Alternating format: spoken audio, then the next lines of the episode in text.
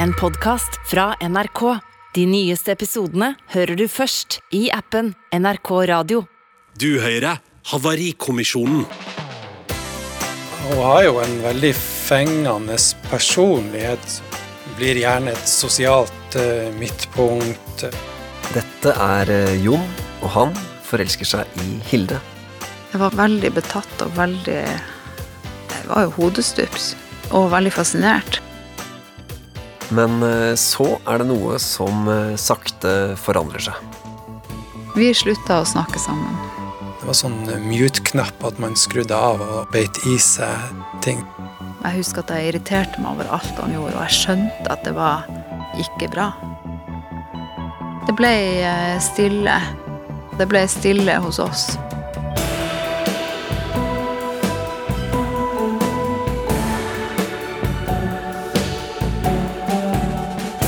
Dette er eh, Havarikommisjonen. Jeg heter Eivind Sæther, og sammen med parterapeutene Katrin Sagen og Sindre Kvitel Aasli skal jeg dykke ned i det som en gang var en eh, lykkelig kjærlighetshistorie, og prøve å finne ut hvorfor eh, det havarerte. Havarikommisjonen. Og Sindre, de sier her at det ble stille. Er det noe dere ser ofte? Altså den vonde stillheten de beskriver, hvor de går og, og biter ting i seg, den er vanlig, og den er vond. Huh. Katrin, hva tenker du om det første du hører her? Mm, det er mye følelser her, sant? så det, det ligger masse lengsel i stillhet òg. Så hvis man får litt sånn hull på stillheten, så kan det jo vinne på å bli en, da. Ah, altså det, det fins en vei inn. Ja. Ja, Det er godt å høre. Ok, vi skal eh, 20 år tilbake i tid, og vi skal nordover i landet, for der eh, starter Hilde og Jons historie. I en skolegård og med en eh, ungdomsforelskelse. Jeg visste hvem han var alltid. Vi er fra omtrent samme plass. Og han eh, var en utrolig bra fyr. Sprudlende humør, trillende latter. Høy og flott og utrolig fine øyne. Snill. Var en sånn eh, god utstråling. Og skapte så mye positivitet rundt seg. Jeg tror jeg var 18 år da jeg møtte han. Så det er jo ganske tidlig å kjenne på det. Kanskje jeg var blitt 19 når jeg kjente at det var, det var han. Det har vel mye med tradisjon og, og små plasser og litt sånne ting å gjøre at man, eh, man går inn i sånne forhold som blir langvarige selv om man er ung. Og vi sang i kor i lag. Det var artig. Så var vi på tur. Det likte vi.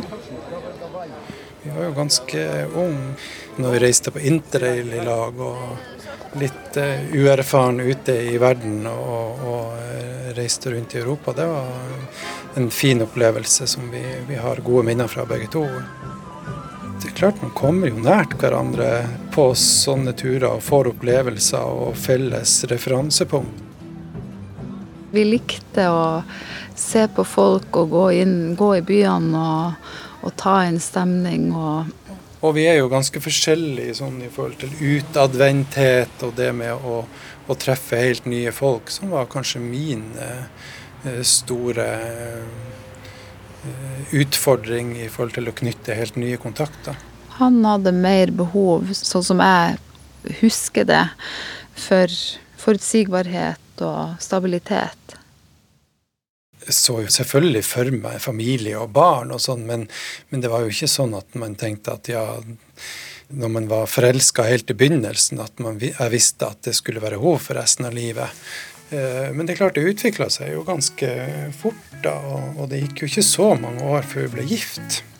Vi hadde gode forbilder. Vi hadde besteforeldre og foreldre som har vært og fortsatt er gift. Um, Så det var helt naturlig for oss å tenke at vi skulle være i lag.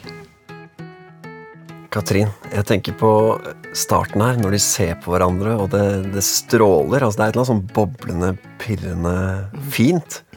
Den derre første kjærligheten. Det er sterke saker. Ja, veldig. Sant. Og her treffer det jo. Det er jo helt vidunderlig. Det er flott at de treffer, men jeg tenker jo at de er unge. 18-19. Er det en fordel eller en ulempe at de møtes eh, så tidlig? Det er et sånn litt spesielt smykke i smykkeskrinet, det å være hverandres første. Sant? Det er jo litt ukomplisert i den forstand at da blir det ikke masse sånne eh, ekser som man er sjalu på, eller som kan komme og forstyrre inn, f.eks., i parforholdet. Men samtidig så har de ikke noe annet å sammenligne med heller, så for noen så kan de bli liksom rastløse og føle at har jeg egentlig opplevd Er dette alt å tenke om, og sånn. Så det er liksom både plusser og minuser, dette her. Men én ting som jeg i hvert fall tenker, når du møtes så tidlig, det er jo det at de bygger liksom, liksom identiteten sammen. De vet jo ikke hvor de skal. De vet jo ingenting på en måte om livet annet enn at jeg liker deg, du liker meg. Det er fint. De løser liksom livet sammen. På en måte, sant. Det er, da kan virkelig snakke om livsvitne. Ja, og oppdager den sammen på interrail. Ja. Eh, Ja. Men jeg, jeg tenker nok at det er verken eh, best eller verst å møtes tidlig. Det er bare forskjellig. Ja. Hvis du tenker tilbake på din første store kjærlighet, er det sånn at du, du tenker at det, det var kanskje greit at ikke det ble dere? Ja. Fordi det gjør jeg òg. ja. Jeg tenker sånn med alle mine tidligere eh, kjærligheter, ja. at jeg er veldig glad for at eh, det ikke ble oss. Ja. Mm. Og sånn, sånn er man jo, men det er kanskje bare sånn, eh, sånn um, hjernen jobber. Men jeg lurer på, Katrin, er det sånn Jeg har tenkt at det kanskje egentlig burde vært en slags nedre aldersgrense for når du valgte livspartner. Å få liksom hjernen din helt fullstendig utviklet før du tar ditt livs eh, viktigste valg. Jo, det kan man jo si. Det kan jo være. Det er lettere da. Men eh, det er nok en del par som blir litt sur på det nå. Nei, og da er det bare å si unnskyld. Ja, Det er er den måten jeg har gjort det på. Og så er det jo ikke som om at vi sier ja én gang, og sånn Vi tar ett valg én gang, nå er vi kjærester. Men man, vi, alle som er sammen lenge, må jo si ja igjen og igjen og igjen. Ja, det er fint. Det høres lurt ut. Ja, altså Hvis ikke vi sier ja, så blir det jo nei, da. Ja. Eller bare ingenting. Mm, og det er nei. Og det er ensomhet. Da høres det ut som vi er på vei inn i et landskap eh, som passer eh, godt med dette paret. Eh, vi skal følge de unge og forelskede videre. La oss høre hvordan det går med dem. De eh, flytter til Oslo og starter et slags eh, voksenliv sammen. Vi bodde noen år i eh, byen i nord før at vi, vi, vi valgte å flytte sørover. Hun studerte, og jeg valgte bort studier for at jeg hadde en spennende jobb. Jeg tror at vi eh, over en periode levde litt for separate liv. Han gikk på jobb om morgenen. Da lå kanskje jeg og sov. Og så begynte jeg på jobb eh, kanskje i to-tida. Han kom hjem. Han var ferdig fire og kom hjem. Jeg kom hjem ti-elleve. Da var det kveld, da. Så det betydde jo at vi hadde jo ikke nødvendigvis så mye kjærestetid som ja, en normal hverdag eh, kunne føre med seg. Det skjedde mye både på studie- og jobb, fronten for meg. Og vi sklei vel kanskje litt fra hverandre da. Vi kommuniserte ikke så bra lenger. Vi var jo allerede så etablert som par, så jeg tror ikke jeg skjønte hva som var i ferd med å skje, før at, før at det slo ned. For min del så, så var det vel at hun var veldig opptatt på sitt område, og jeg opplevde kanskje at vi ikke fikk den tida i lag som vi hadde behov for for å utvikle oss videre. Det var veldig vanskelig å ta opp og snakke om. For det var veldig dramatisk og alvorlig at eh, At det behovet for å bo fra hverandre ei stund meldte seg. Det ble litt sånn uh, skeivhet i forholdet som gjorde at det var vanskelig å ha, ha et samliv.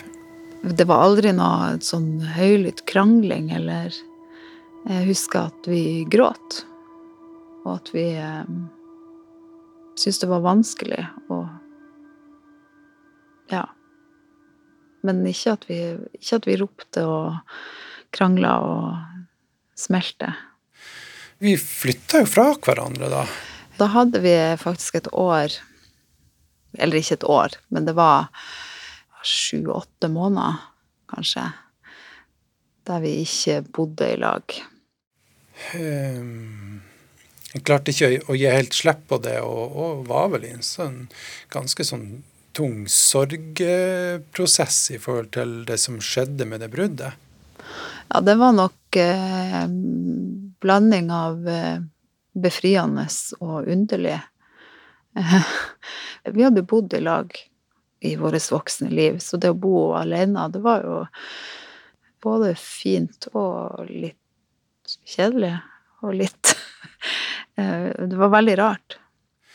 Det var ikke noe vill festing og prøve andre ting med en gang og, og sånne ting. Eh, så eh, selv om jeg gjorde en del ting i lag med kompiser og, og, og sånne ting, så, så, var det en tung periode.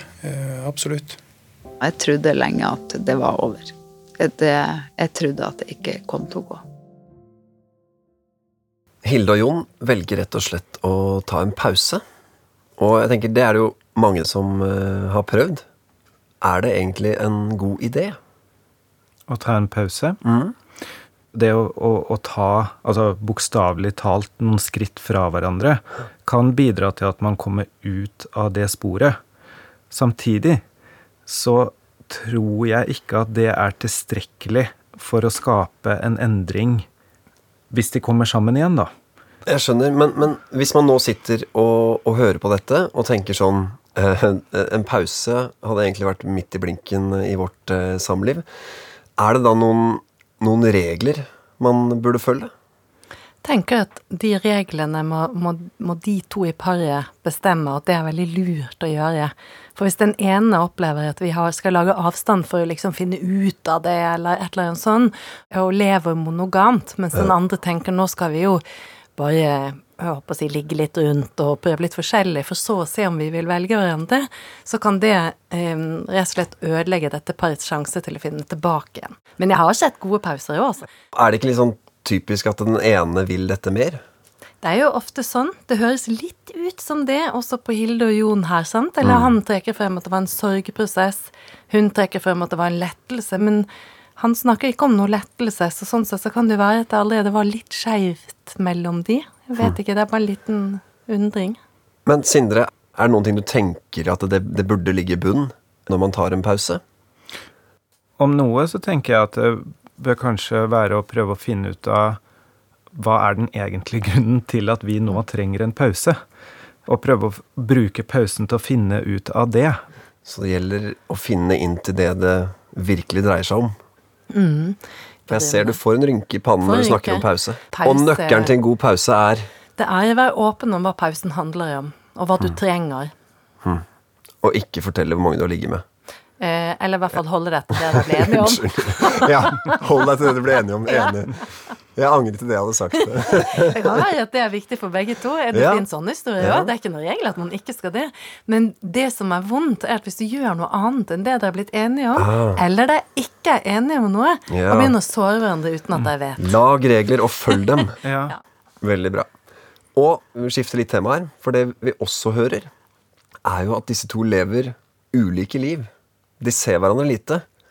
Det er litt den ene er hjemme, den andre er ute, og de, de, veksler i døra. Og så tenker jeg sånn Det er jo ganske normalt, og livet kan fort bli sånn. Men hva er triksene for å få et sånn type liv til å fungere?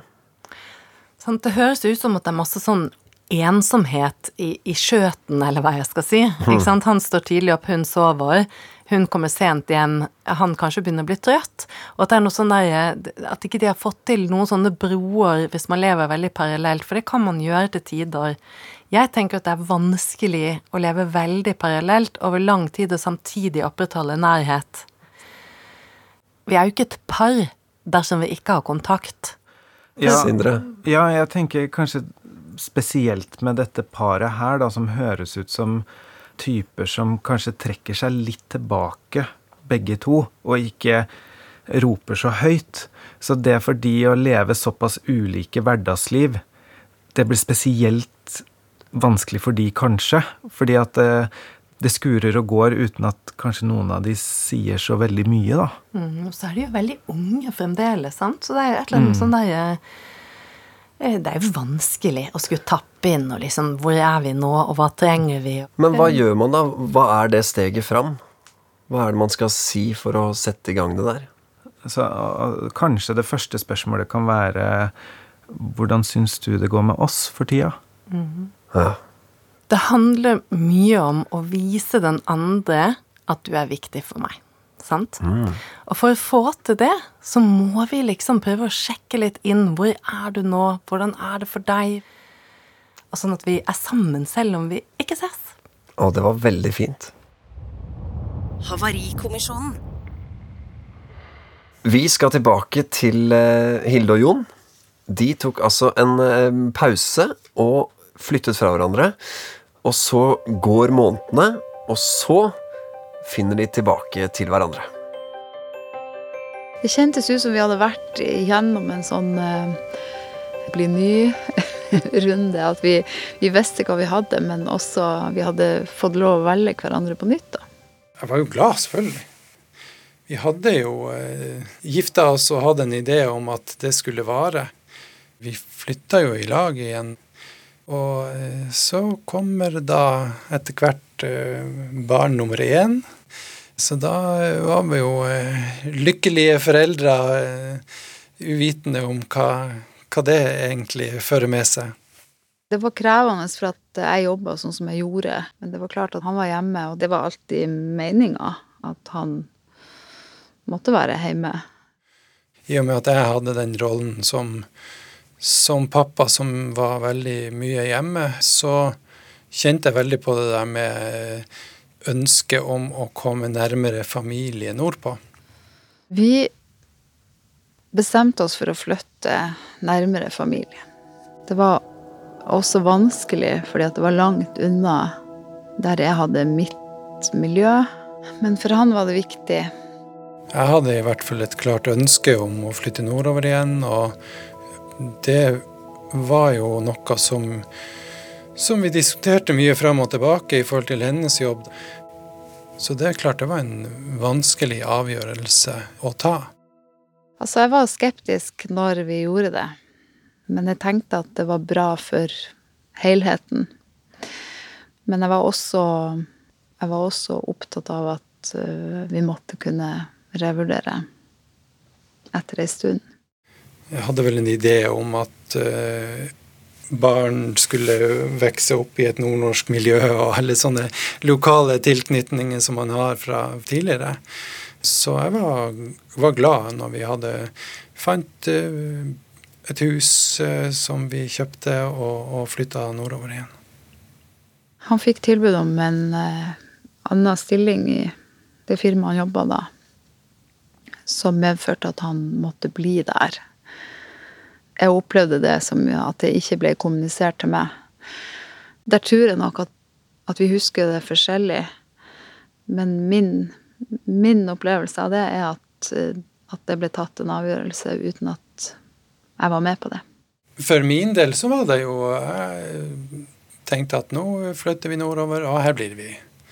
Og hun tenkte vel mer at vi flytter nordover og tester hvordan det funker.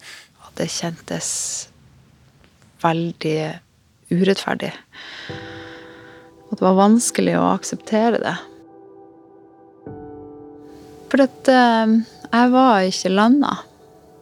Jeg var ikke landa der verken på stedet eller med den type tilværelse, da. Nei, vi, vi har jo, det har jo absolutt vært et sånt tema i ettertid, der vi har hatt forskjellige opplevelser av hva vi egentlig ble enige om. Men eh, man får kanskje på litt sånne skylapper i forhold til egne ønsker og behov. Katrin, hvor er det det skjærer seg her? Det er, det er nok litt sånn gradvis, men det er klart at det er et slags eh, hva skal vi si, knekkpunkt, eller hva vi kan kalle det her rundt denne avgjørelsen med å flytte opp, hvor de har veldig ulike opplevelser av hva som skjer. Ja. Hvor han tenker, sant det De er ikke tydelige overfor hverandre. Nei, det er nok ikke det. I hvert fall eh, syns ikke de det når de tenker på det i etterkant. Så hun tenker at det er et prøveprosjekt, han tenker at det er for alltid. Det er ganske ulik eh, innstilling i bunnen der når de flytter. Sindre, er det sånn at vi må, må passe på å være tydelige hele tiden? Altså, det går jo ikke. Vi klarer ikke å være tydelige hele tiden. fordi vi er jo relativt ofte ikke helt i kontakt med våre egne følelser. Så da kan vi heller ikke være tydelige. Men i disse store valgene Da blir det jo viktig. Eh, og for hvis du skal ta store avgjørelser, store livsvalg, så er det viktig å liksom da gå inn og kunne veie ulike argumenter opp mot hverandre. Og det krever ganske sånn stor kapasitet av den delen av hjernen vår hvor vi tenker. Og den delen av hjernen hvor vi tenker, den funker ganske dårlig hvis vi ikke kjenner oss emosjonelt trygge. ah, Så det må være trygghet i bunn? Safety first. Ja. Og så lurer jeg på en ting, for det, det her blir jo ikke ordentlig kommunisert når de ser tilbake. Og sånn tenker jeg det sikkert er for mange i ganske mange forskjellige store livsvalg. Og da lurer jeg på, er det sånn Overvurderer vi hvor godt den andre kjenner oss? Er vi egentlig mer fremmede for hverandre? Altså, vi, vi vil jo veldig gjerne at den andre bare skal se og vite alt jeg tenker på Ikke alt jeg tenker, men en del av det jeg tenker. Bare Ja. se hva jeg trenger, å gi meg Ja. det. Uten at jeg Du skal være min nærmeste. Ja. Mm. Alle mennesker vi har en sånn iboende motivasjon for å ikke kjenne på ubehag. Sånn at jeg kan også skjønne at det er ikke lett å gå dit og snakke om det som gjør vondest, Mm. men vi trenger det. Helt enig. Hvis vi tenker liksom på det der med trygghet, som du er, liksom snakker om, som jeg er så enig i, det er safety first. Hvis vi ser på i et parforhold, så har vi liksom snakker om at vi har en, en emosjonell kontrakt. Og den har to paragrafer. Det ene er 'hold meg, vær her for meg'. Den andre er 'se meg, anerkjenn meg'. Det er de to paragrafene som på en måte kjærlighetsbåndet mye handler om. Og det høres jo på en måte flott ut på papiret, men når du er der i praksis og sitter og kjenner på noe vondt, og faktisk liksom altså sånn, må si det, må få formidlet det, så er det så vanskelig. Det er kjempevanskelig, sant. Ja. Så det at eh, Så gjør det enkelt for meg nå, bare løs det. Altså, jeg tror vi bare må anerkjenne at ja, det er vanskelig. Fordi det er litt sånn yin-yang. Det er yin-yang. Ja. ja. så, så er det på en måte den vonde følelsen, lengselen din, behovet ditt for å bli holdt eller for å bli anerkjent. Men den andre delen av det er frykten for å si nettopp det. For vi kommer på en måte ikke utenom at det er ganske skumle ting å si. Sant? Så det vi kan gjøre, vi skal være veldig konkret, er å prøve å åpne samtalen ikke på det aller dypeste, på det vondeste, som kanskje da kunne vært Ah. Du, nå når vi snakker om det med flytting, så, så ser jeg veldig at det, det, det kan være veldig viktig for oss, og i hvert fall for deg. Og så må jeg også si at jeg blir litt redd for det. ja. Er det er en sånn enkel light, en enkel start, Da går liksom du ut i bassenget på grunna. Ja, Ja. det er lurt. Det bør vi gjøre. Vi trenger ikke å hoppe til det dype. Man kan ta hverandre i hånden og jumpe litt uti, men så er det viktig å få svømt over da. Da må vi over det dype òg. Ellers blir det ikke godt nok eh, bearbeidet eller snakket om før avgjørelsene blir tatt. Sant? Men det gjelder å komme uti det bassenget. Må ut i det bassenget. Selv for de som syns vann er noe dritt. Mm. Og i hvert fall sørg for å ha samtaler om store livsvalg, og, og, og bestem dere for at under denne samtalen så skal vi ikke ta noen avgjørelser. Nå skal vi bare snakke om gode og dårlige sider for meg ved dette, og lytte til hverandre. La oss liksom late som at vi gjør det nå. Og så kjenner vi hvordan det er. Nå, gjør, nå flytter vi. Og så ser vi på alle plusser og minuser. Og så gjør vi det samme på den andre. Sånn at man liksom får litt sånn oversikt. For hvis man har vel en preferanse for altså et av valgene, så har man lett for å liksom bli så styrt på at den andre må skjønne at min vei er best. Jeg har rett, ikke sant? Ja. Det er veldig lett å tenke sånn. Veldig lett. Da handler det jo også om å få lyttet på hva den andre snakker om, sånn at man nettopp skjønner hvorfor vil ikke hun flytte. Hun er redd for å miste nettverket sitt. Ok, den er vond, den er vanskelig, jeg ser det. Altså for å forhindre bitterhet og brudd, så trenger man å anerkjenne at her er det en som betaler en høyere pris enn den andre. Ja. Ok, dere. Paret vårt de fortsetter å bo i Nord-Norge. Og fordi Hilde må reise mye i jobben, så blir eh, hverdagen ekstra travel. Det livet, det fortsetter som før. Med like mye reising og jobbing og logistikk og to barn i stedet for ett barn. Vi var jo veldig glad for å få eh, et friskt og sprudlende barn nummer to. Vi så jo at det ble enda mer hektisk. Jeg hadde veldig mye på hjemmebane. Eh, men det er klart, eh, for min del så var det jo også en stolthet i, i forhold til å kunne klare det som, som pappa og uh, gjøre alt det som skulle til i huset og, og, alle de tingene der. Og for meg var det viktig å, å kunne gjøre, gjøre, jobben min. Å kunne si ja. Det kunne være hvis uh, ferien ble ramma f.eks. Av, uh, av at jeg plutselig fikk jobb et sted. Så måtte vi endre planer i full fart. Det var lettere for meg. Og det kunne bli dårlig stemning. De periodene hun var hjemme, så opplevde kanskje jeg at hun eh, ønska å ta igjen alt det tapte med ungene, og, og rota til de rutinene vi hadde skapt for å få etablert eh, effektivitet på morgenen, mens at hun leverte seinere i barnehage og sånne ting. Så, så der var det jo alltid en sånn sånn greie at når hun hadde vært hjemme en periode, og så skulle vi inn i, i en sånn hektisk morgenrutine igjen, så var det, var det er ikke nødvendigvis så enkelt. Jeg husker at jeg irriterte meg over alt han gjorde, og jeg skjønte at det var ikke bra. Jeg skjønte at, at jeg måtte justere innstillinga mi, eller at jeg måtte prøve å se på en annen måte. Men jeg, jeg, jeg klarte det ikke. Og når hun var hjemme, så ble det òg en sånn greie om at jeg ønska selvfølgelig at jeg skulle være la med, med kona mi og gjøre ting som var voksengreier, og gå ut og gå på konsert og gå ut og drikke øl og gjøre sånne hyggelige ting i lag. Mens at hun hadde et stort behov for å være i lag med ungene. og eh, når hun hadde vært borte ei stund Han ville at jeg skulle trappe ned eller gjøre noe annet i stedet.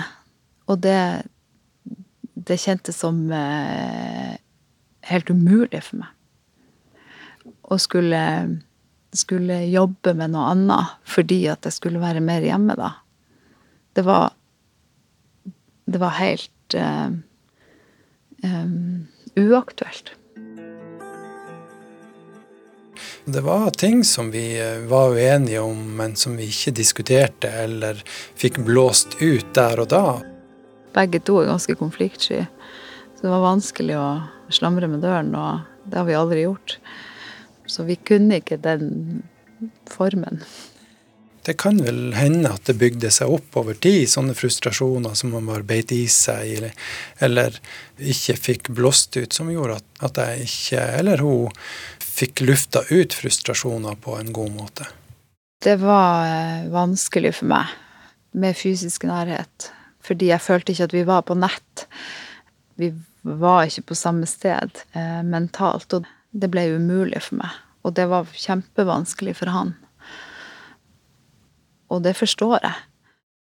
Og da skjer det jo selvfølgelig også noe med følelsene for den andre. Den fysiske biten som blir vanskelig, og at man eh, kanskje ja, ikke får det som man har behov for på, på noen av områdene i et, eh, i et eh, kjærlighetsforhold. Vi slutta å snakke sammen. Det var sånn mute-knapp at man skrudde av og, og beit i seg eh, ting. Vi gjorde det vi skulle, vi fikk det til å fungere, men det var stilt. Hm. Det var stille. Denne tausheten som senker seg over dem. Hva gjør det med et par? Det kan lage veldig stor avstand. Sant? Det, dette er en ubehagelig stillhet. Men uh, Sindre, mm -hmm. er det sånn at uh, den type stillhet er uh, døden for et forhold? Det er i alle fall ofte en forløper til døden. Og, og det er stille over overflaten, men det utspiller seg et stort drama under overflaten. Mm. Han savner jo kjæresten sin, han savner dama si, og gjøre kjæresteting med henne. Og hun har blitt som en sånn rotete gjest for han. Og hun irriterer seg over nesten alt det han gjør. Og det er helt uaktuelt for henne å trappe ned i jobben sin. Da, da, høres det ut som at sånn, hvis jeg gjør det, så mister jeg meg selv. Så det her er jo litt av et drama som foregår i det stille mellom de. Ja, og det er det som er så rart, for det er faktisk eh, stille. Mm. Og sånn tenker jeg sikkert det er rundt hos veldig, veldig mange par. Mm. At man kan sitte der i sofaen og så er det egentlig veldig mye som bobler inn igjen, som man burde ha prata om og, og, og, tatt tak i. Katrin, bare for å gjøre det her helt konkret. Når man nå sitter der på fredag i sofaen og, og ser på Lindmo, og så kjenner man at det er et eller, annet som, et eller annet som trykker, som jeg egentlig burde sagt til den som sitter ved siden av meg, men det er helt stille.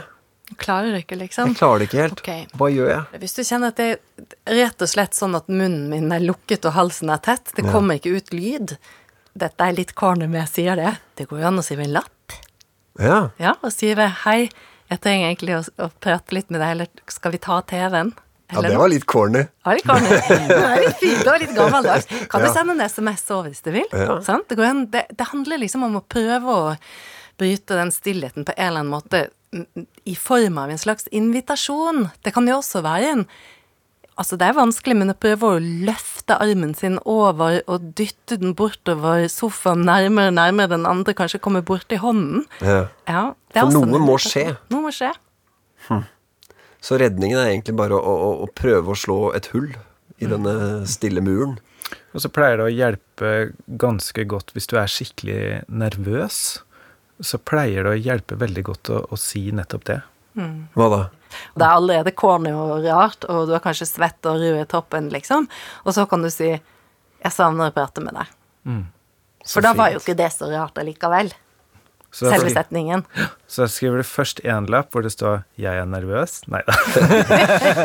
men, men er det sånn at det finnes håp for dette paret vårt der de er nå?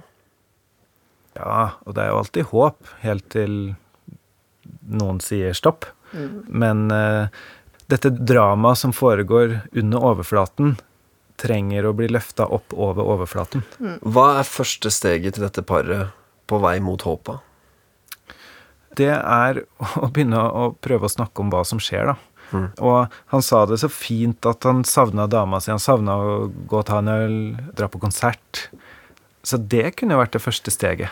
Og hvis de er så underernært på å oppleve gode ting sammen, så kanskje gjøre det først. Mm. Så var det noe i henne som liksom talte helt imot. Jeg klarer det ikke. Ja, ja. Så var det ikke sant? en motstand der mot å liksom Dette er bare tipping, sant. Men når vi kjenner så motstand om å gjøre noe som i litt sånn objektivt sett er hyggelig, gå på kino eller ut og spise Hvis man ikke har lyst til det, så ligger det noe under. Hva er motstanden?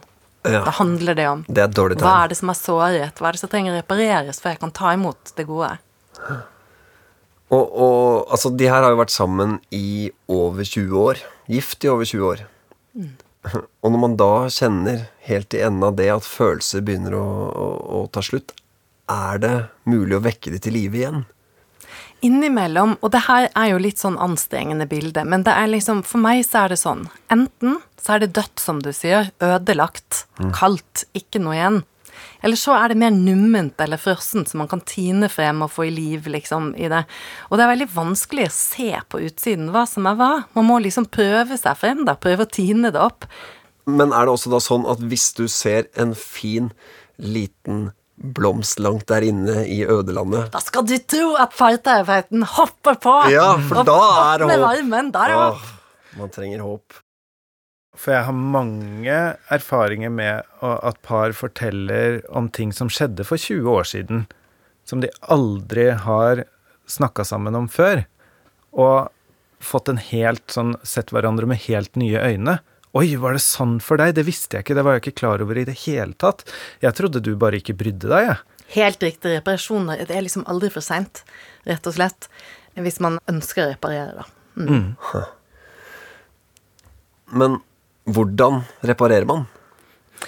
Vi må tørre å på en måte snakke fra et litt sårbart sted. Mm. Og avsløre hvordan det har såret deg, eller hvordan det har berørt deg på en måte som har gjort deg misfornøyd. For hvis ikke vi liksom klarer å formidle det til den andre, så går det ikke an å reparere det. Men det er liksom det der å vite at vi må hoppe litt inn og ut Ja. av hverandres perspektiv. Man må være ganske modig og ganske snill. Absolutt. Og ganske tydelig, kanskje òg. Den der kraften som ligger i å- liksom tørre å si ifra, eller avsløre noe av det du ønsker deg. Det må vi nesten, altså. Vi må våge! Vi må våge! Ja.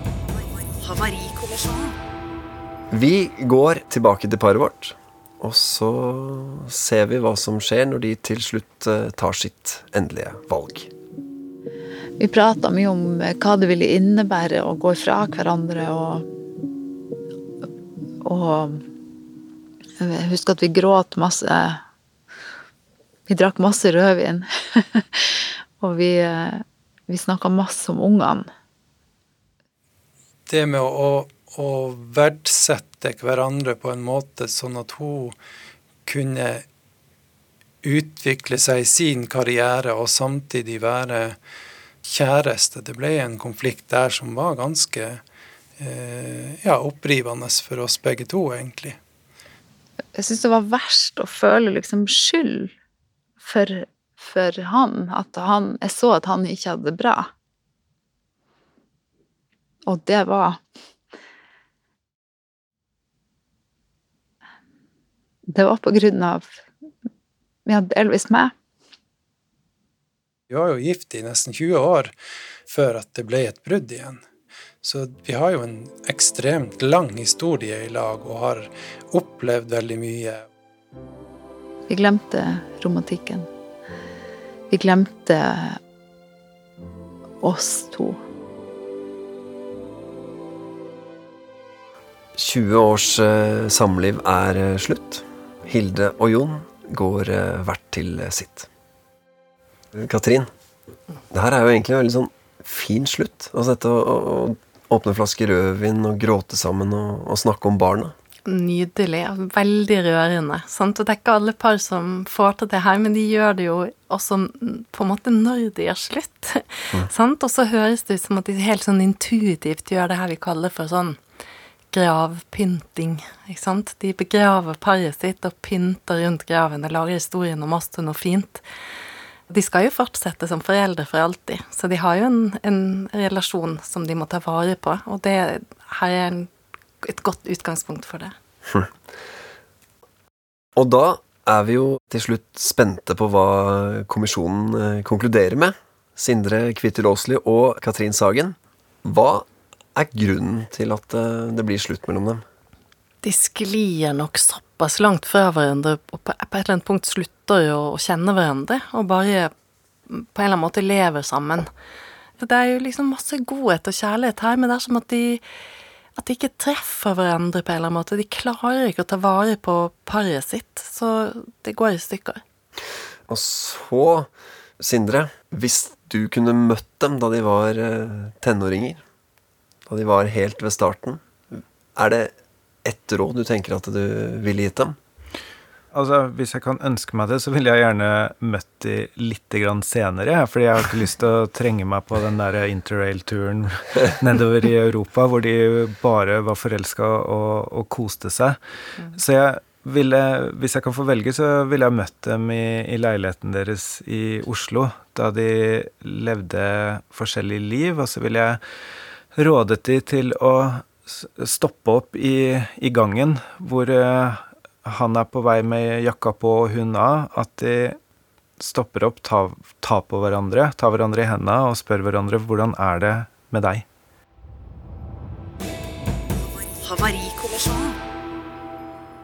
Ok, nå skal vi høre med paret vårt, eh, Hilde og Jon, eh, og finne ut hva, hva de tenker om det de har hørt fra kommisjonen. Og eh, Hilde, hva syns du om det terapeutene sa? Ja, det er mye som er gjenkjennbart, som jeg har tenkt, og som egentlig er godt å høre at de også ser de samme tingene. Um, kanskje særlig det han eh, sa på slutten om at om helt tilbake den tida i, i Oslo, at han ville råde oss til å stoppe opp og spurt hvordan, hvordan er det å være deg nå? Og, og tenke at det gikk så langt tilbake. Og det er jo en eh, tankevekker, altså, og, og forklarer også en hel del. Så Jon, hva tenker du om eh, det du har hørt? Eh, Det kan godt hende at hvis man hadde vært litt mer frampå og kanskje fått input eller hjelp i en tidligere fase, at utfallet kunne blitt annerledes. Eh, Så eh, betraktningen deres og, tankene rundt hva vi eh, glemte av eller mista på veien, er veldig, veldig riktig i forhold til historien vår. Ja, Absolutt. men jeg syns også at det var veldig fint det hun sa, at den forseglinga av vår felles historie, den der markeringa av at vi har hatt noe sammen, at ikke det blir borte nødvendigvis. Mm. For det er jo sånn det kjennes når man går videre hvert til sitt, at det er nesten som at man blir historieløs ei stund. For det er så mange år av livet som, som eh, vi har delt, og som plutselig mm, ikke er en del av hverdagen lenger. Men den er jo en del av oss. Så fint. Eh, Jon, hvordan er eh, forholdet dere mellom eh, i dag? Det er egentlig veldig bra. Eh, Vi har jo, som det ble sagt, en naturlig relasjon i forhold til at vi skal følge barna inn i deres liv og må samarbeide. Så vi har et godt forhold, og vi opplever at vi vil det beste for hverandre og heier på hverandre. Høres det kjent ut, Hilde? Ja. Vi kjenner hverandre godt. Vi er jo en person i livene til hverandre. Selv om selve relasjonen er jo helt annerledes. Takk til Jon og Hilde for at de delte sin historie. Har du lyst til å høre andre parhistorier, så finner du flere episoder av eh, Havarikommisjonen i appen NRK Radio. I neste episode møter du Ida og Even. Hvis jeg får en telefon og klokka er tolv, da høres du full ut, så er det sånn Da ble jeg forbanna med en gang. Da følte jeg det som altså nesten overvåking. Da føler man ikke at man har tillit. Når man er ung, så er det på en måte ikke så farlig å bli litt full, og sånn, men jeg har aldri syntes at det har vært noe behagelig når han blir skikkelig full. Det er bare usjarmerende, liksom. Og det ble en sånn kilde til krangel egentlig for oss alltid, da. Vil du og din ekskjæreste dele deres historie og høre hva parterapeutene har å si om forholdet deres, så sender du en mail til havarikommisjonen krøllalfa nrk.no. Denne episoden av Havarikommisjonen er laget av Caroline Møller, Stig Kalseg Sulland og Maja Østerud. Lyddesign Lillian Grønning. Redaksjonssjef er Randi Helland. Mitt navn er Eivind Sæther. Eksparet som er med i denne episoden, har valgt å ikke bruke sine egne navn. Havarikommisjonen. En podkast fra NRK. Ronny Bredde Aase, Live Nelvik! du er en julens mann. Altså, Jeg får julestemning av Tre nøtter til Askepott. Askepott! Jeg får julestemning av ribbe. Ja, pinnekjøtt er jo digg. Jeg får julestemning av alt. Der er du forskjellen på deg og meg. Det skal litt til for meg. Kanskje litt deilig av jorden og noe ribbe? Åh, livet er godt når det nærmer seg jul, ass. Men jeg kan godt prøve å hjelpe deg med å finne mer av den. Ja, bra. Ja, da sier vi det sånn. Julestemning med Live og Ronny hører du i appen NRK Radio.